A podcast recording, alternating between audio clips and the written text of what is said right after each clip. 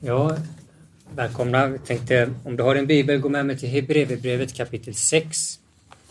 Jag tänkte tala om någonting idag som, ja, faktiskt, jag tänkte redan förra året redan predikade, men det kom lite andra saker emellan och så vidare. Och, och det är inga djupa uppenbarelser, utan det, det blir väldigt grundläggande idag, för jag tänkte att alla är på olika ställen i sin vandring med Herren och jag tänkte att jag måste ändå i alla fall ha lagt en grund så att så att jag vet att alla har fått grunden med sig. För vet, när du bygger ett hus, du börjar inte bygga taket.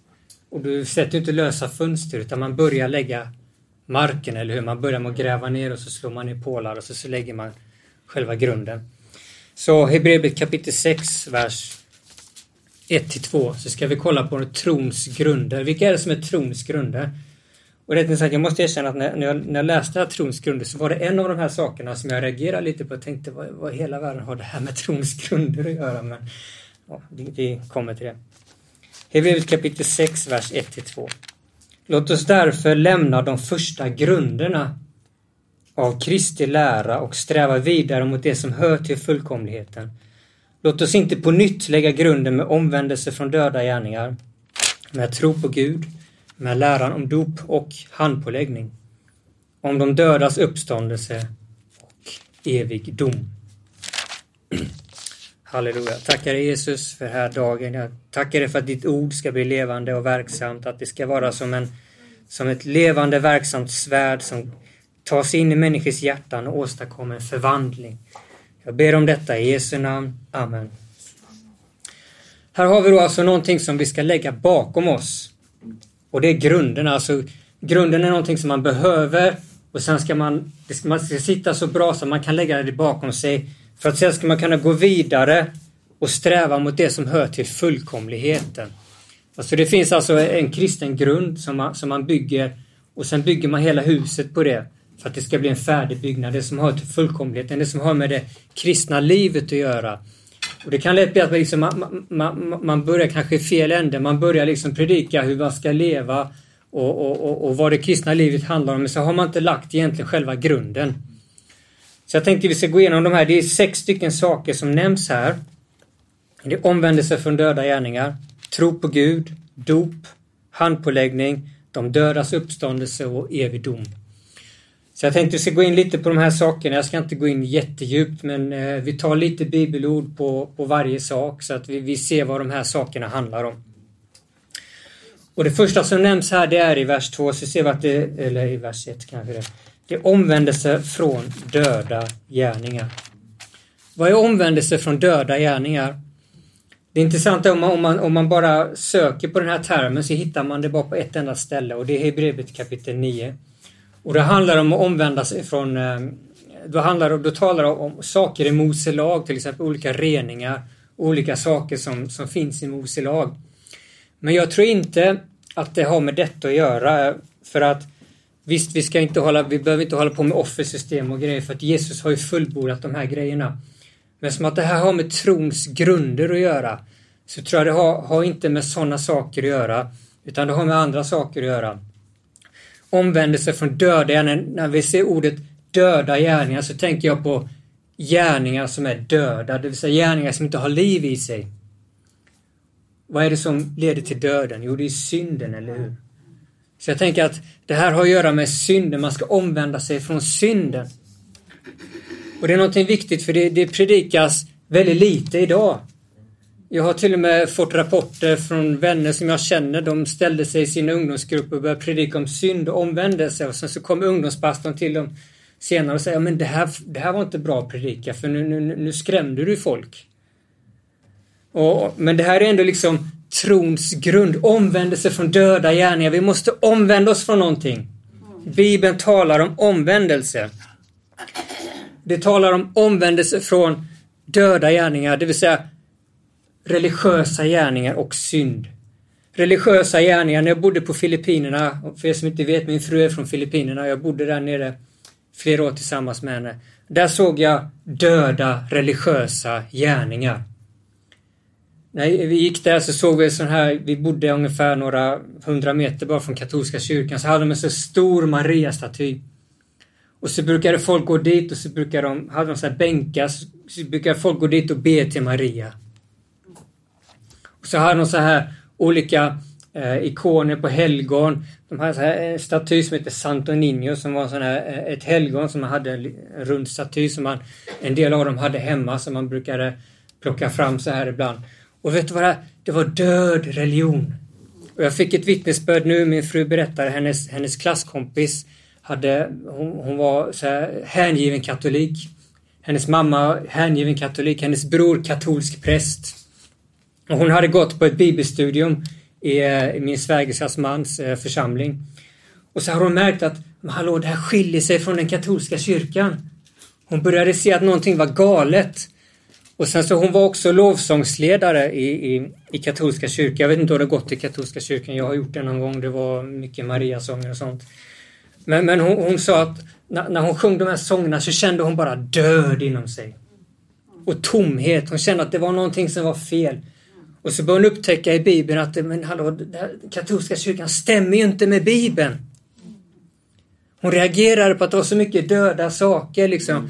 Tillbedjan till Maria och, och, och, och, och de här helgonen och, och massa saker. Död till de, bön till de döda. Och, och hon ville liksom omvända sig och bli en evangelisk kristen istället. Men så hon, hennes mamma sa nej, nej, nej, nej det, det, det, det, det, du ska stanna i katolska kyrkan. Så hon tänkte, ja, man ska ju man ska lyda sina föräldrar.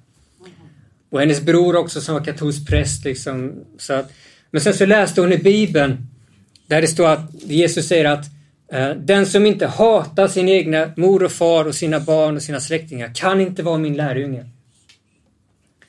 Så insåg hon att jag måste välja Jesus eller mina föräldrar och min familj.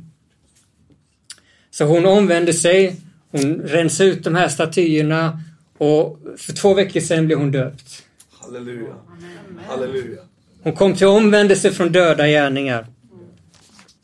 Men sen har vi också andra saker som är själva synden, det som inte kanske är relaterat just till religion, men någonting som har drabbat oss alla.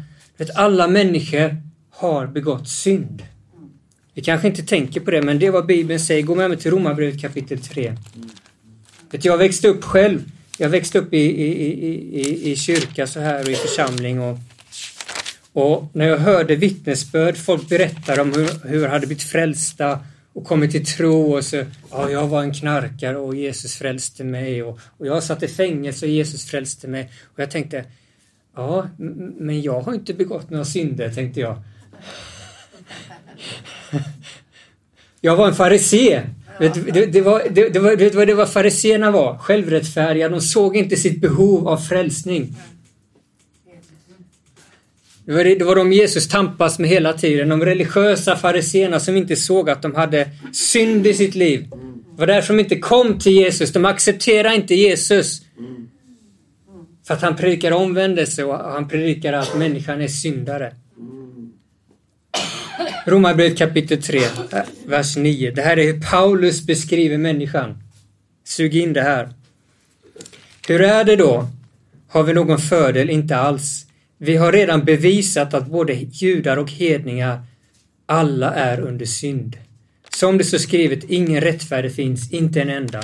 Ingen förstånd finns, ingen finns som söker Gud. Alla har avvikit, alla har blivit odugliga, ingen finns som gör det goda. Ja, men Moder Teresa, inte en enda, tillägger Paulus. Inte en enda. Inte ens du eller jag eller de som har mest status i samhället. Alla har avvikit, alla har syndat. Vers 13. En öppen grav är deras strupe. Alltså munnarna. Men som en öppen grav. En öppen grav, du vet det, det, det du öppnar en grav och så luktar det lik. Det här är hur Bibeln beskriver våra tungor, människans tungor. Inte, de, inte bara de där ute, det är lätt att peka på alla andra, men ofta behöver vi dra det här fingret till oss själva. Som sina tungor använder de till svek. Huggormsgift är bakom deras läppar. Oj då. Deras mun är full av förbannelse och bitterhet. Deras fötter är snabba till att utgjuta blod, förödelse och elände råder på deras vägar och fridens väg känner de inte. De har inte gudsfruktan inför sina ögon. Så här ser vi hur, män, hur, hur, hur Bibeln beskriver både judar och hedningar, alltså alla människor. Det är ingen skillnad. Om du är svensk eller makedon eller om du är från Dominikanska republiken eller vilket land du än kommer ifrån. Så synden finns i alla länder och synden är människans problem. Ja. Vet, vet, människan tror att, att, att, politik löser allting. Om vi bara får det rätta partiet och vi bara får den rätta ideologin så blir det bra. Nej! För att synden är problemet. Det är den som måste ta sig tur med. Om synden rensas ut alla människor, det kommer inte finnas ett enda krig på den här jorden. Inte en enda konflikt, inte en enda skilsmässa, inte ett enda mord. Fängelserna kommer vara tomma, du kommer inte behöva någon polis, du kommer inte behöva några domstolar. Allt det som människan drömmer om kommer att bli en verklighet om bara synden försvinner.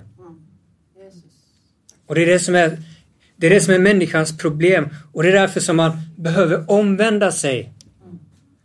Och därför Bibeln säger att vi kan inte bli rättfärdiga genom gärningar för att vi har våra synder. Och syndens lön är döden. Så vi måste bli rättfärdiga på ett annat sätt än att bara försöka liksom, nu ska jag, ge, nu ska jag bara försöka vara god, nu ska jag inrätta det, det, det, det rätta politiska partiet, nu ska vi göra si, nu ska vi göra så. Nej, det kommer inte hjälpa. Sen i vers 19. Men vi vet att lagen säger att Säg till den som är under lagen för att var mun ska täppas till och hela världen står skyldig inför Gud. Så här ser vi när man, när man ser synden, när man ser vad lagen säger, så blir hela världen skyldiga inför Gud. Och det är bra att, att, att, att Gud tar itu med synden. För tänk dig, det finns så många människor i den här världen som lever sina liv som, som, som värsta brottslingarna som aldrig någonsin får några straff. Men Gud ska ta itu med det. Gud ska döma varje människa. Därför kan inget kött bli rättfärdigat inför honom genom laggärningar, för genom lagen kommer kännedom av synd. Så vi kan inte bli rättfärdiga bara om att veta liksom hur vi ska bete oss, utan vi måste bli rättfärdiga genom Jesus Kristus. Vi behöver någon som gör oss rättfärdiga. Och, och du vet det här med omvändelse och predika att vi måste omvända oss, det var något väldigt centralt. Gå med mig till Apostlarna kapitel 26 så ska vi se vad Paulus säger. Vad Paulus predikade. Apostlarna kapitel 26, vers 19 till 20. Står det så här. Därför, kung Agrippa, blev jag inte olydig, olydig mot den himmelska synen, utan började förkunna Först för dem som var i Damaskus och Jerusalem och över hela Judeens land och sedan för hedningarna. Alltså Paulus han predikar för alla här, både för judar och hedningar, det är ingen skillnad. Och vad var det han predikade? Att de skulle ångra sig och omvända sig till Gud och göra sådana gärningar som hör till omvändelse. Så vad var Paulus budskap? Att människan ska ångra sina synder och omvända sig till Gud och göra gärningar som hör till omvändelsen. Göra, alltså, om man lever i synden så slutar man leva i synden. Det är det han säger, göra sådana gärningar som hör till omvändelse. För det är vad omvändelse är, det är att överge synden. Omvändelse är inte nu, nu, nu är jag kristen och nu lever jag sambo. Det är ingen omvändelse, då lever man fortfarande kvar i synden. Eller nu är jag kristen och så är jag en mördare liksom. Nej, det är inte det omvändelse är, utan omvändelse överger synden och det står i första Thessalonikerbrevet eh, kapitel 1, vers kapitel 1, vers 9 så står det att för de berättar själva om oss hur vi blev mottagna hos er och hur ni omvände er till Gud från avgudarna för att tjäna den levande guden. Så det var liksom inte att man hade Jesus här och så hade man en Maria-staty där. Eller man hade Jesus här och liksom lite Buddha och lite Mohammed och lite allt möjligt. Nej, omvändelse från avgudarna. Bort ifrån det. Så det här vad omvändelse är, att man vänder sig bort ifrån synder och så börjar man leva för Gud. Och man låter Jesus förvandla ens liv. Sen har vi nästa då i, i Hebreerbrevet här, den andra saken är tro på Gud. Det är intressant, varför säger han tro på Gud? Varför säger han inte tro på Jesus? Ah, du kan vara muslim, du kan tro på Gud. Nej. Vad menar han med tro på Gud? Johannes kapitel 12, vers 44 tycker jag förklarar det jättebra. Då ropade Jesus och sa, den som tror på mig, han tror inte på mig utan på honom som har sänt mig. Så den som tror på Gud, han tror på Jesus. Och den som tror på Jesus, han tror på Gud. Så här ser vi, det finns hur mycket verser som helst, men alltså Jesus är ju Gud. Så om du tror på Jesus så tror du på Gud. Tror du inte på Jesus så tror du inte på Gud. Svårare än så är det inte. Så det är därför Paulus säger här att tro på Gud. Vi ska alltså tro på Jesus för han är enda vägen till Gud. Du kan inte komma till Gud på något annat sätt än genom Jesus Kristus. Det enda sättet att komma till Gud. Därför att Jesus Kristus, han dog på ett kors för våra synder. Det var därför han dog. Han dog för synderna som vi alla är drabbade av, som vi alla har begått. Och så uppstod han på den tredje dagen för att vi ska kunna leva med honom i det nya livet, i uppståndelsekraften. Och så öppnar han vägen till Gud, till Fadern, så att nu kan vi ha relation och gemenskap med Gud. Den gemenskapen som var bruten genom synden. Förstå att alla har syndat och saknar härligheten från Gud. Varför har människan ingen kontakt med Gud? Varför kan inte människan känna Gud? På grund av synden. Men Jesus, han är offret, han är vägen till Gud. Och den som tror på Jesus, han tror på Gud. Och Jesus han kom, hans, hans syfte med att komma på den här jorden, det var att, att kalla syndarna till omvändelse. Vi ser det i Lukas 5.32. Det var därför han kom. För att syndare skulle kallas till omvändelse. Omvänd er! Här är lösningen på problemet. Det är inte politiska partier, politiska ideologier, en bättre president eller, eller våra egna åsikter, utan det är Jesus som är lösningen på problemet. Och han kom för att kalla syndarna till omvändelse. De som är bundna i sina synder, de som är förslavade under synderna, kom han för att sätta fria och den sonen ger fri, han blev verkligen fri. Halleluja. Halleluja. Gå med mig till Romarbrevet kapitel 5, Tack Jesus. vers 6 till 10. Det står det så här. För medan vi ännu var svagare dog Kristus för ogudaktiga. Okej, vilka är de ogudaktiga? Allihopa. Du och jag, innan Jesus.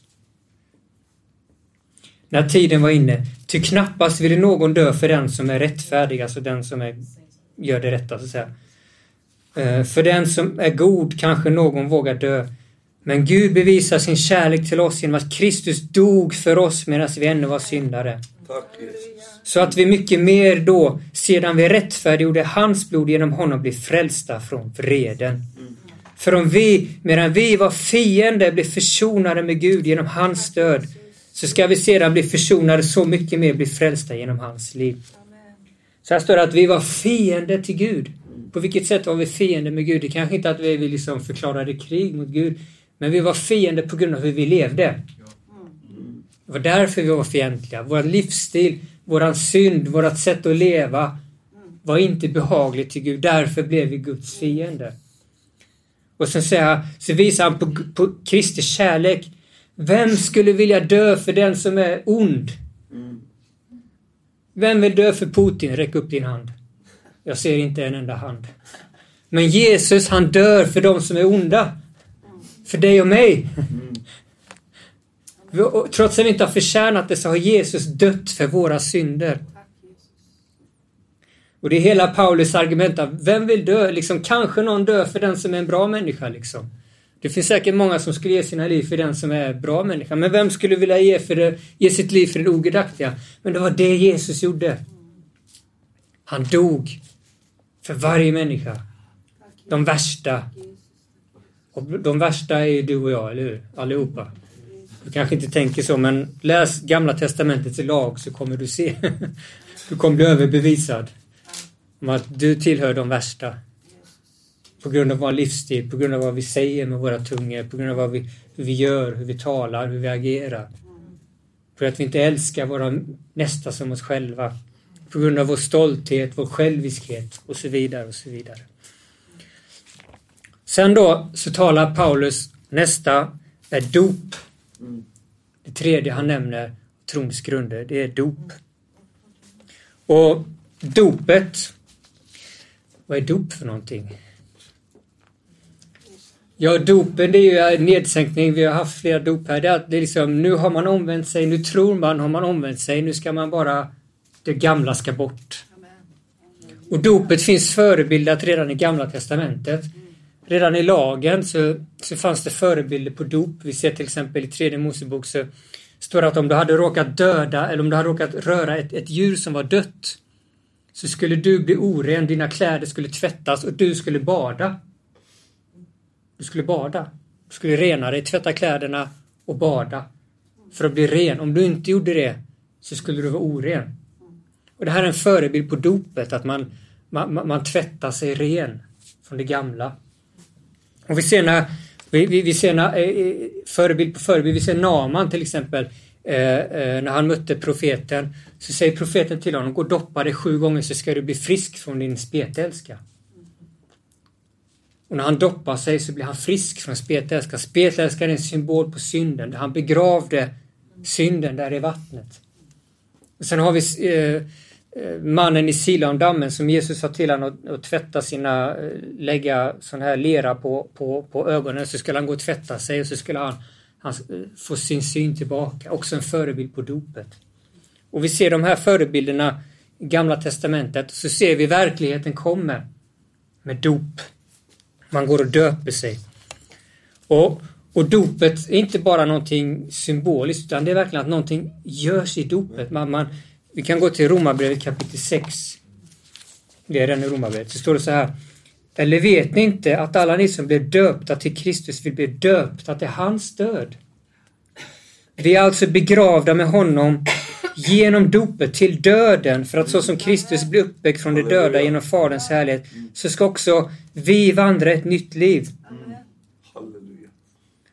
Så det är en, en, en dop till död där vi tar del av korset.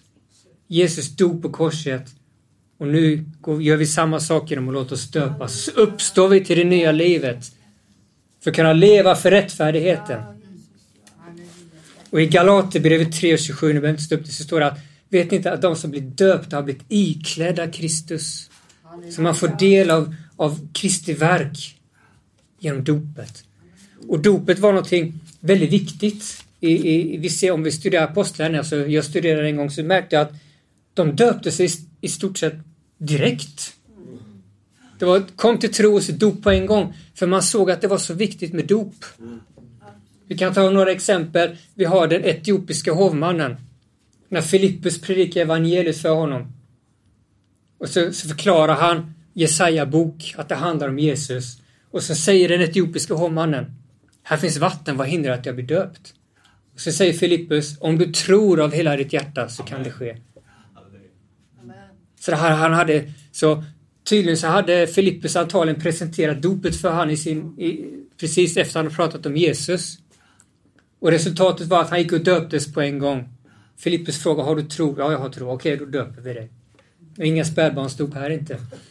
Sen var det Paulus i, i, i nästa kapitel, Apostlagärningarna kapitel 9 så hade han mött Jesus på vägen till Damaskus. Och så är det en lärjunge som heter Ananias som får en syn. Eh, Paulus hade blivit blind och han låg eh, på Raka gatan. Så hade han fått en syn, gå till Raka gatan. Där skulle han be för Paulus så Paulus fick synen tillbaka. Och det gjorde han. Och vad var det första som hände? Om man läser står det genast gick Paulus och döpte sig. Och sen nästa vers står det att han gick åt. Ja. Det är ganska intressant. Han till och med döpte sig innan han åt. Så man, man hade liksom en väldigt hög syn på dopet. Och, och när Petrus när Petrus förkunnar evangeliet så frågar de Vad ska vi göra för att bli frälsta? Så säger han Omvänd er och låt er döpa er. Han hade med det i evangeliepresentationen. Och det är intressant också i Apostlagärningarna kapitel 22 när, när Paulus, vers 16, när Paulus eh, säger när Paulus själv återger den här berättelsen, han gick och döpte sig, så står det så här i Apostlagärningarna 22.16. Det är Ananias som säger till, eh, till Paulus då. Och nu, varför dröjer du? Stå upp, låt dig döpas och tvätta bort dina synder och åkalla Herrens namn. Så här ser vi det igen, att han blir tvag, han blir tvättad i dopet. Så man ser förebilderna. Man begraver det gamla livet. Så det är det som är så fantastiskt med dopet. Många som döps de känner sig så rena på insidan efteråt. Varför? För att man begraver det gamla. Alla gamla synder som man har begått, allting bara bort med det. Bort i glömskans hav. Gud kommer inte ihåg det. Så fantastiskt. Det spelar alltså ingen roll hur vidrigt man har levt sitt liv. Man kommer till Jesus och så låter man sig döpas. Allting bara blir nytt. Det gamla är förgånget. Det nya har kommit. Halleluja. Sen har vi då nästa grej, handpåläggningen. Det här var intressant. Handpåläggning, trons grunder. Men det är faktiskt en del av, av trons grunder. Paulus säger det själv. Och ni kan, och, kan gå med mig till Apostlarna kapitel 19.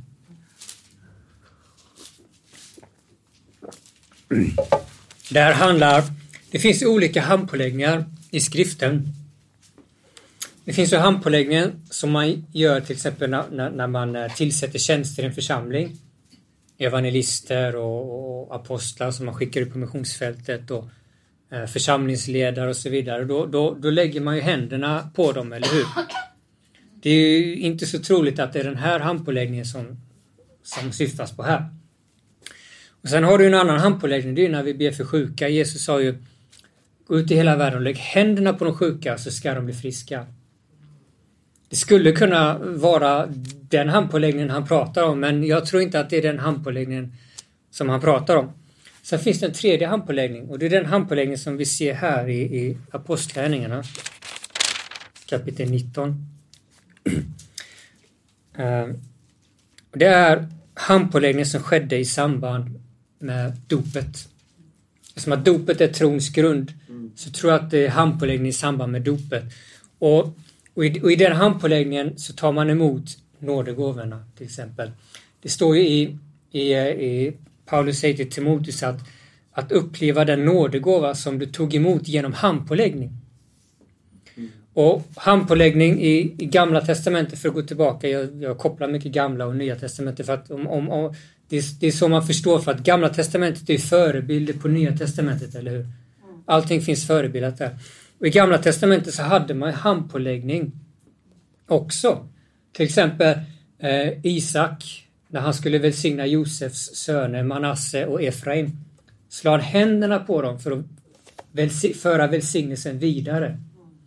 Den välsignelsen han hade fått från Abraham gick nu till Isak och så skulle välsignelsen föras vidare och det skedde genom handpåläggning.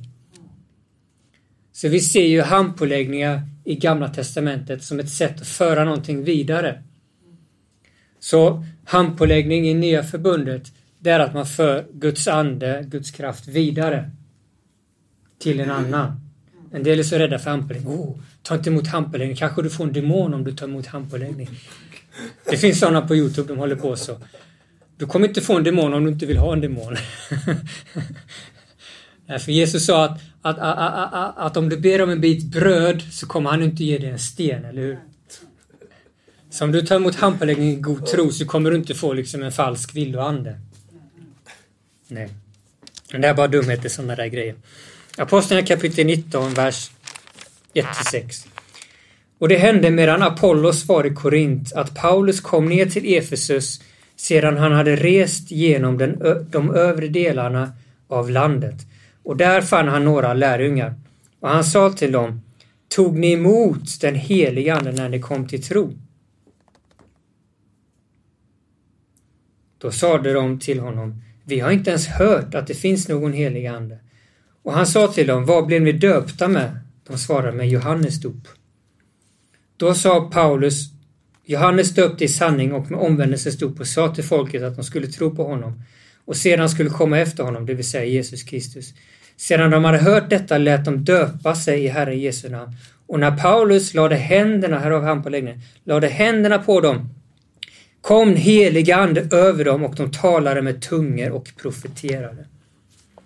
Så här ser vi att de hade kommit till tro men de hade inte tagit emot anden. Jag tror att Bibeln lär att det finns två stycken, eh, att, du, att du, du får anden när du kommer till tro och sen så finns det också någonting som heter andens dop.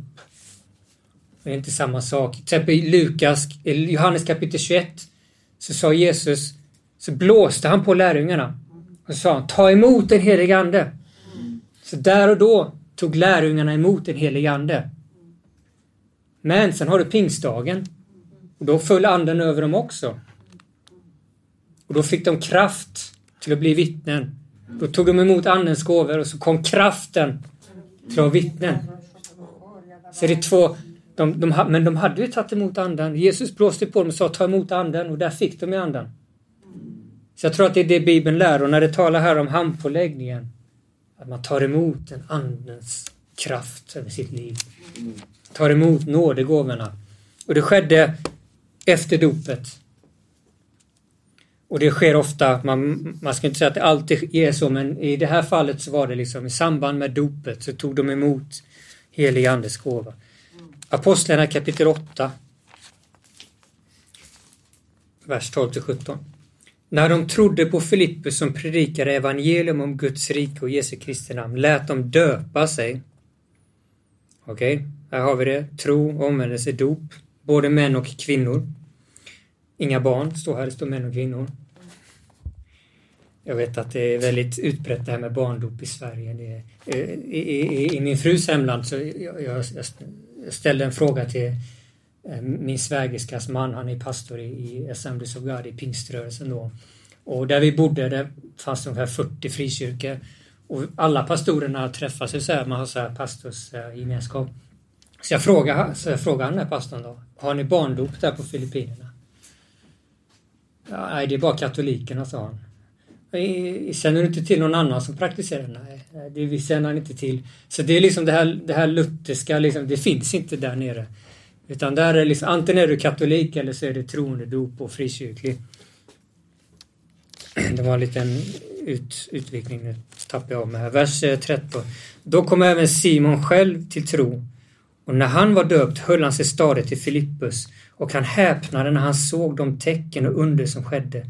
När apostlarna som var i Jerusalem fick höra att Samarien hade tagit emot Guds ord sände de Petrus och Johannes och när, de, och när de reste ner och bad för dem att de skulle få den heliga Ande, för han hade ännu inte fallit på någon av dem, utan de var endast döpta i Herren Jesu namn.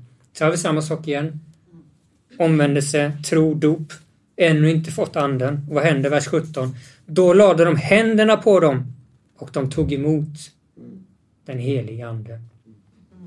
kan läsa vidare vers 18. Men när Simon såg att den helige Ande gavs Genom att apostlarna la händerna på dem erbjöd han dem pengar. Nu säger ni, ja men det var apostlarna, det var bara för den tiden. Ja, men om man läser vidare kyrkans historia så var det inte apostlarna, då var det de äldste i församlingen som lade händerna på dem och så fick de ta emot den helige Ande. Så det är ingenting som, det, det, det, är, så det är liksom dop och handpåläggning. Jag har två, två kvar. De dödas uppståndelse. Första Thessalonikerbrevet. De döda ska uppstå. Första Tess, första Thessalonikerbrevet kapitel 4, vers 13 till 17. Men jag vill inte bröder att ni ska vara okunniga angående dem som har somnat in, för att ni inte ska sörja dem som andra som inte har något hopp. För om vi tror att Jesus har dött och uppstått, så ska också Gud föra fram dem som har somnat in i Jesus tillsammans med honom. För detta säger vi er med ett Herrens ord, att vi som lever och är kvar till Herrens återkomst inte alls ska komma före dem som har somnat in. För Herren ska själv stiga ner från himlen med ett, ett befallande rop med ärkeängens röst och med Guds basun. Och först ska de som dött i Kristus uppstå. Därefter ska vi som lever och är kvar ryckas upp tillsammans med dem på skyarna för att möta Herren i luften. Och så ska vi alltid vara hos Herren. Så de döda ska uppstå när Jesus kommer tillbaka.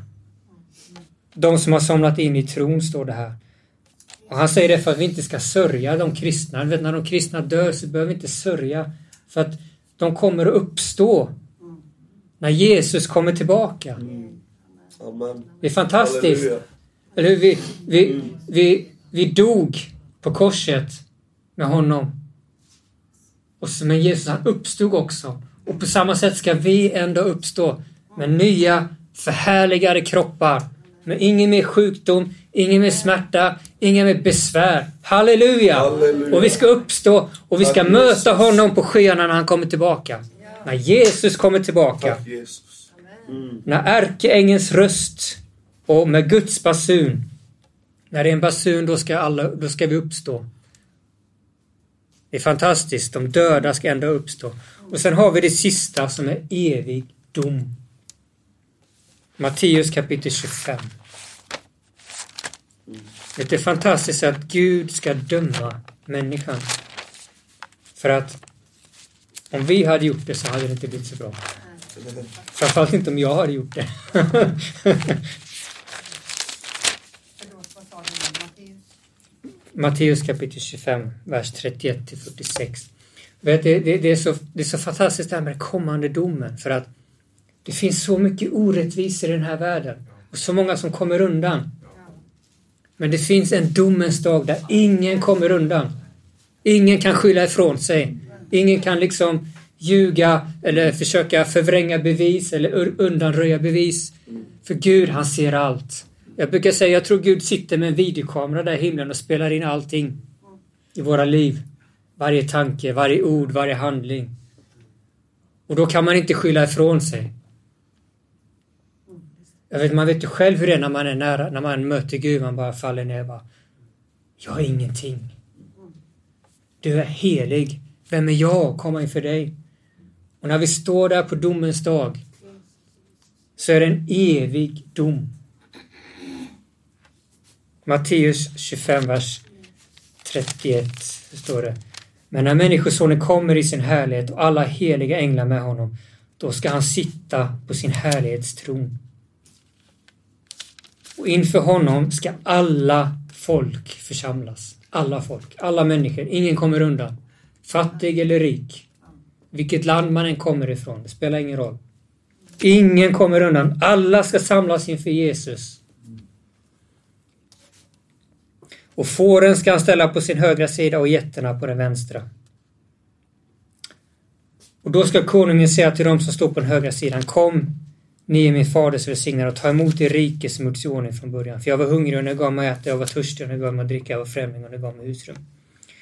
Och så vidare. Och så fåren och getterna, man kommer dömas på grund av sina gärningar. Paulus säger också i Romarbrevet att de som har gjort det goda till det eviga livet och de som har gjort det onda till- det eviga straffet. Så det är viktigt att man har Jesus. Han talar här, det är alltså de som har tro, verksam i gärningar. Och sen är det de som inte har tro, som inte har verksam i några gärningar. Det är så man får förstå detta. För annars, jag läste en, en artikel häromdagen, det var någon som argumenterade att ja, men du behöver egentligen inte tro på Jesus. Det räcker att du gör det som är gott. Så kommer du till himlen, för det står ju här. Nej, men det är inte det han pratar om, för Jesus är enda vägen till Gud.